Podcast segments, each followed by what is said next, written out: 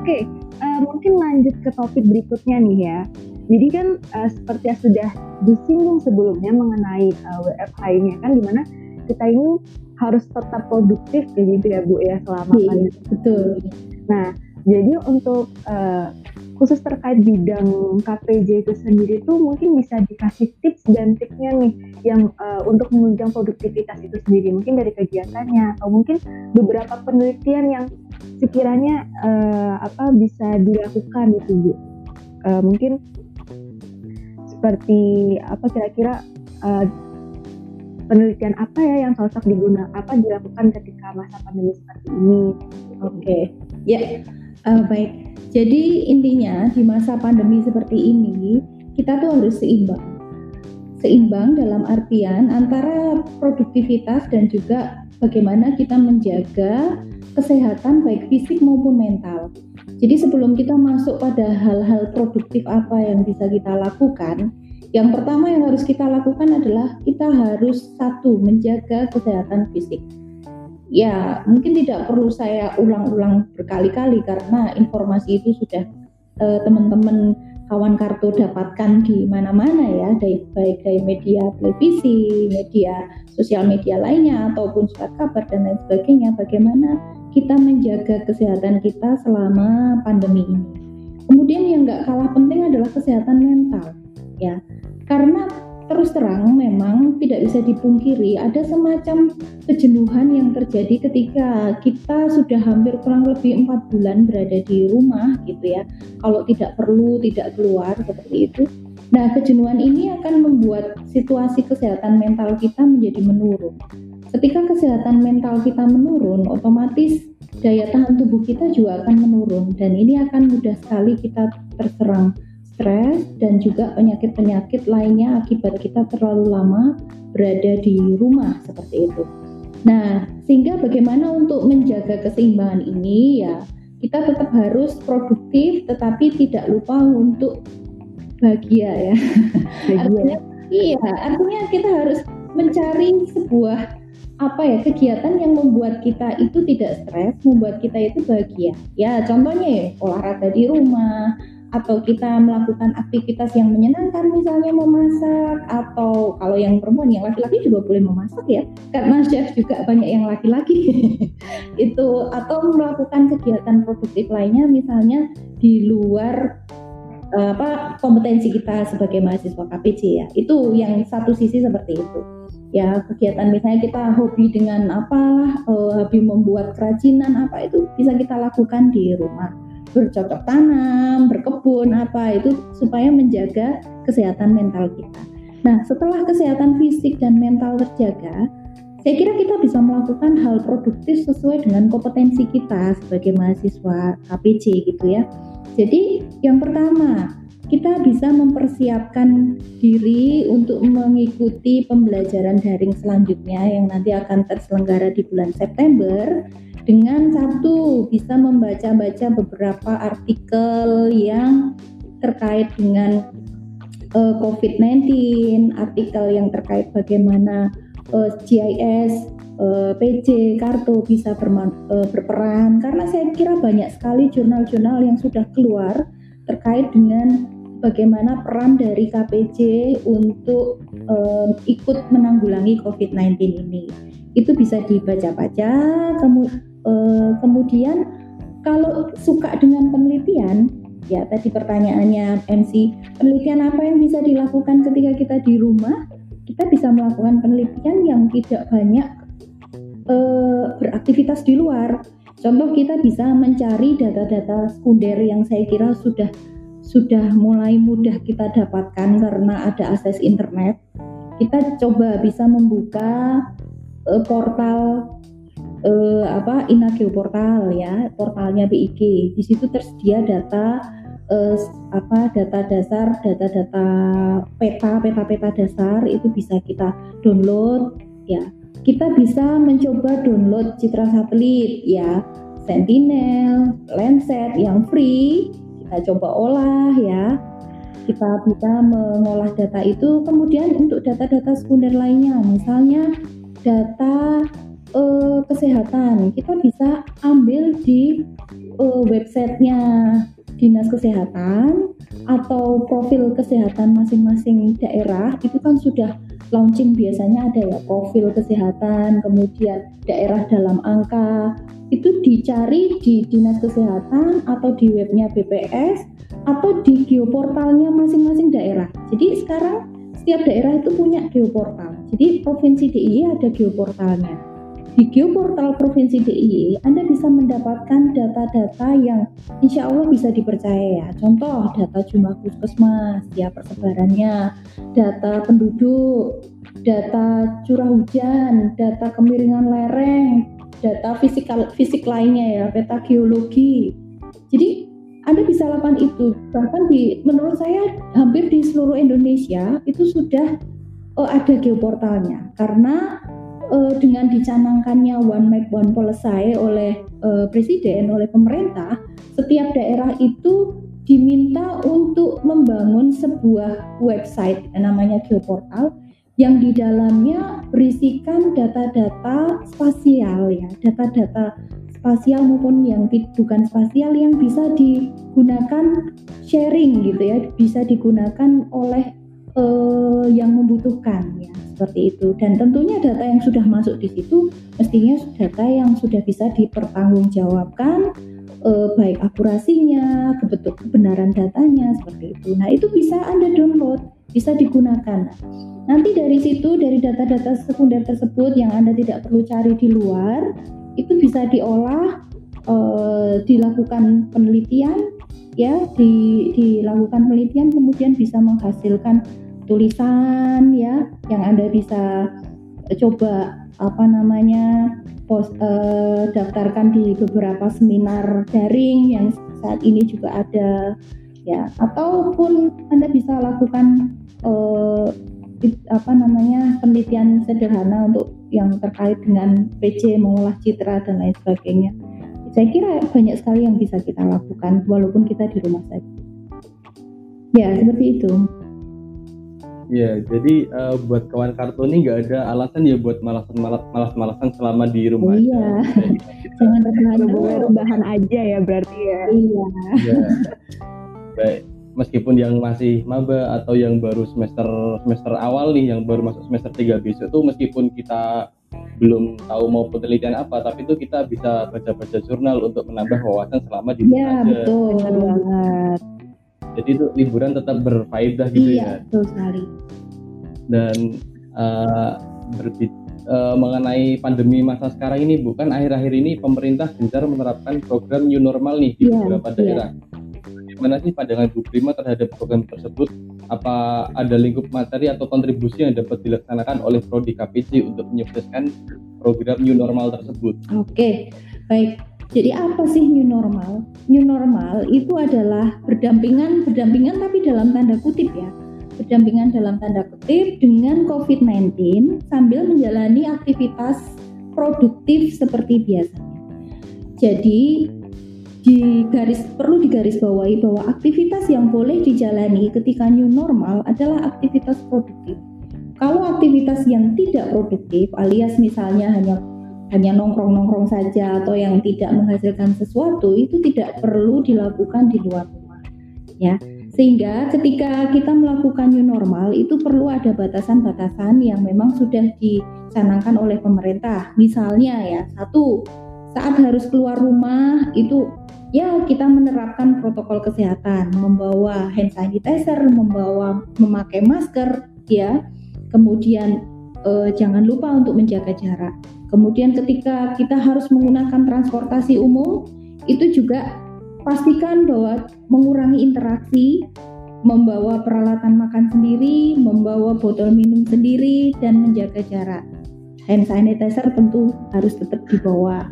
Kemudian ketika ya ini kampus sudah mulai dibuka mulai 1 Juli, tetapi itu hanya diperuntukkan bagi mahasiswa yang melakukan penelitian tugas akhir, skripsi, tesis, ya, disertasi seperti itu.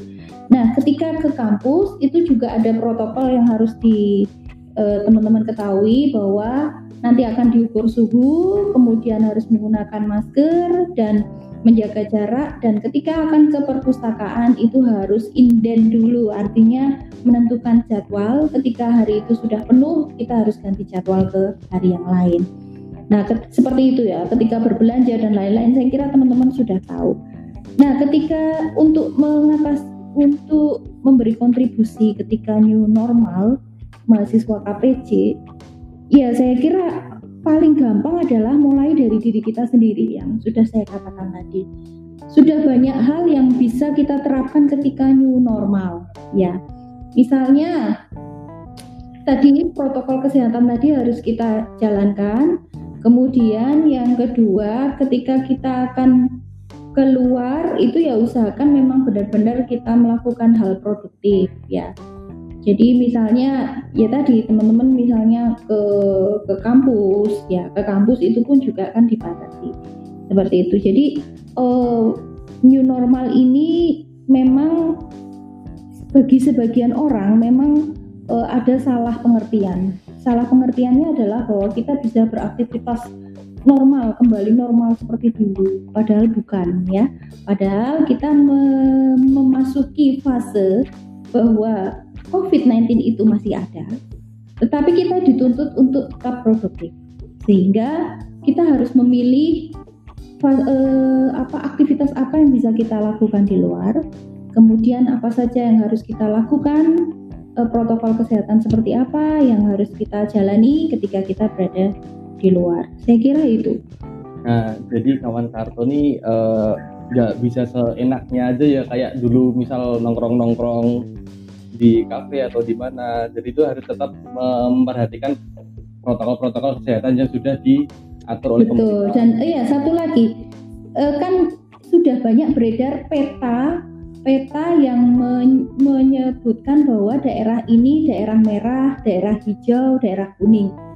Bagi kawan kartu itu harus diperhatikan ya. Anda yang tahu peta, Anda harus memperhatikan itu. Posisi Anda saat ini berada di Zona apa? Zona merah, zona hijau, atau zona kuning? Tentunya kalau Anda berada di zona hijau, walaupun sudah hijau, Anda nggak boleh lengah. Dan jangan sampai Anda memasuki zona merah, seperti itu ya. Jadi itu hal hal sederhana yang bisa kalian lakukan dengan ilmu yang Anda miliki, yaitu ilmu KPJ, untuk bisa memanfaatkan atau membaca peta yang sudah banyak tersebar itu sebaik mungkin. Dan Anda bisa sosialisasikan ke teman-teman di sekitar atau di lingkungan sekitar bahwa ini loh sudah ada warning. Sehingga kalau bisa jangan mobilitas ke daerah-daerah berzona merah seperti itu ya itu konkret konkret sekali itu dari KPC iya benar iya. sekali. Ya. Kadang hal-hal yang sederhana itu malah jadi hal yang sangat krusial ya bu ya. Betul nggak iya. nggak bisa melewatkan bahkan hal-hal kecil yang kadang dipikirkan ah apa sih? Nggak usah bikin hal seperti itu. Padahal hal tersebut pun sangat sangat penting ya bu ya iya karena kita tahu makin hari malah makin naik bukannya makin turun nah itu iya kasusnya iya dan uh, di pertanyaan terakhir ya. bu apa sih harapan Ibu terhadap situasi pandemi ini terkhusus buat uh, mahasiswa KPJ nih selama pandemi? Oke, harapan saya ya tentunya teman-teman bisa mensikapi adanya pandemi ini dengan sangat bijaksana. Yang pertama adalah tadi sudah saya sebutkan selalu menjaga kesehatan ya baik fisik maupun mental. Kemudian pandemi tidak menghalangi kita untuk tetap produktif ya. Produktif di dalam rumah dengan cara seperti yang tadi sudah saya sampaikan ya mempersiapkan kegiatan belajar mengajar daring selanjutnya nanti di bulan September. Kemudian contoh ini adalah hal produktif ini di namanya ya tata kartu ini ini hal produktif. Membuat hal, hal seperti ini kan menyenangkan ya. Ini bisa meningkatkan imunitas kita kalau kita senang gitu ya. Kemudian ketika kita harus keluar, kita akan melakukan hal produktif di luar, ya tetap menerapkan protokol kesehatan ya yang harus Anda uh, lakukan. Dan jangan sampai sembarangan, ah lah apa sih pakai masker? Nggak usah. Itu tidak boleh ya. Jadi tetap harus kita melakukan protokol kesehatan itu.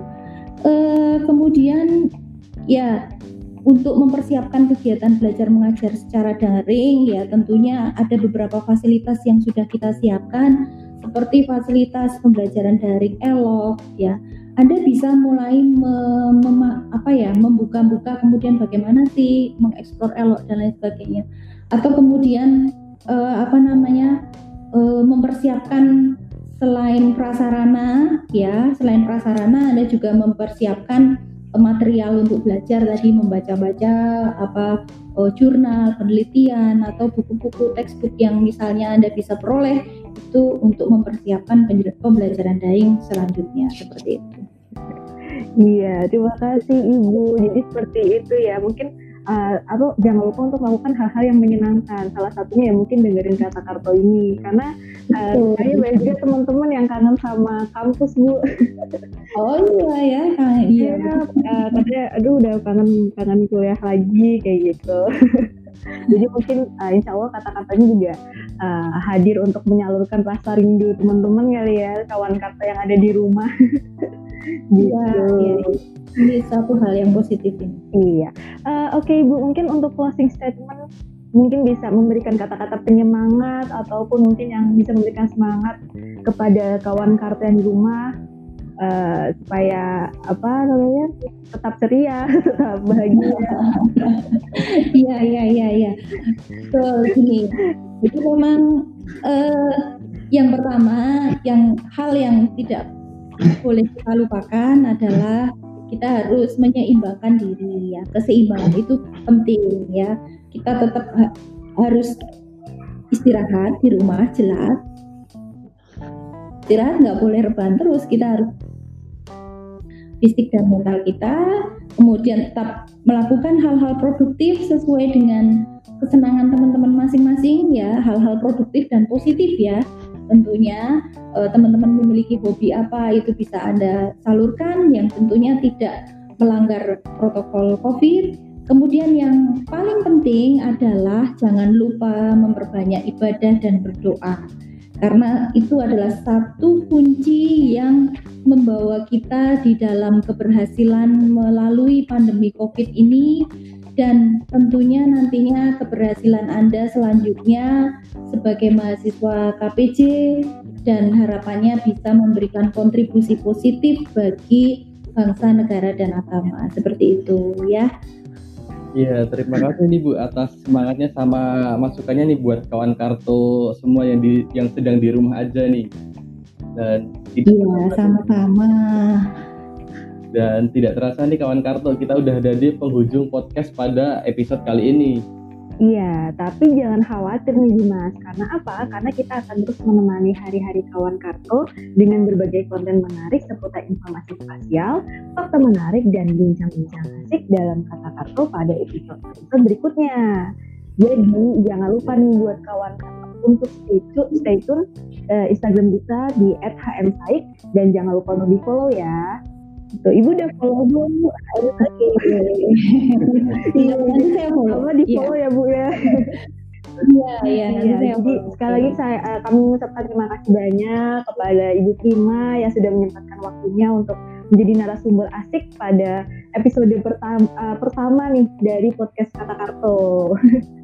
Oke, terima kasih juga untuk teman-teman kawan Karto yang sudah memberikan hal-hal positif, memberikan kegiatan positif, dan semoga ke depannya kata Karto ini bisa berkembang terus.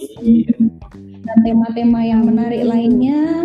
Dan menemani teman-teman kawan Karto melewati pandemi ini supaya berhasil ke depannya.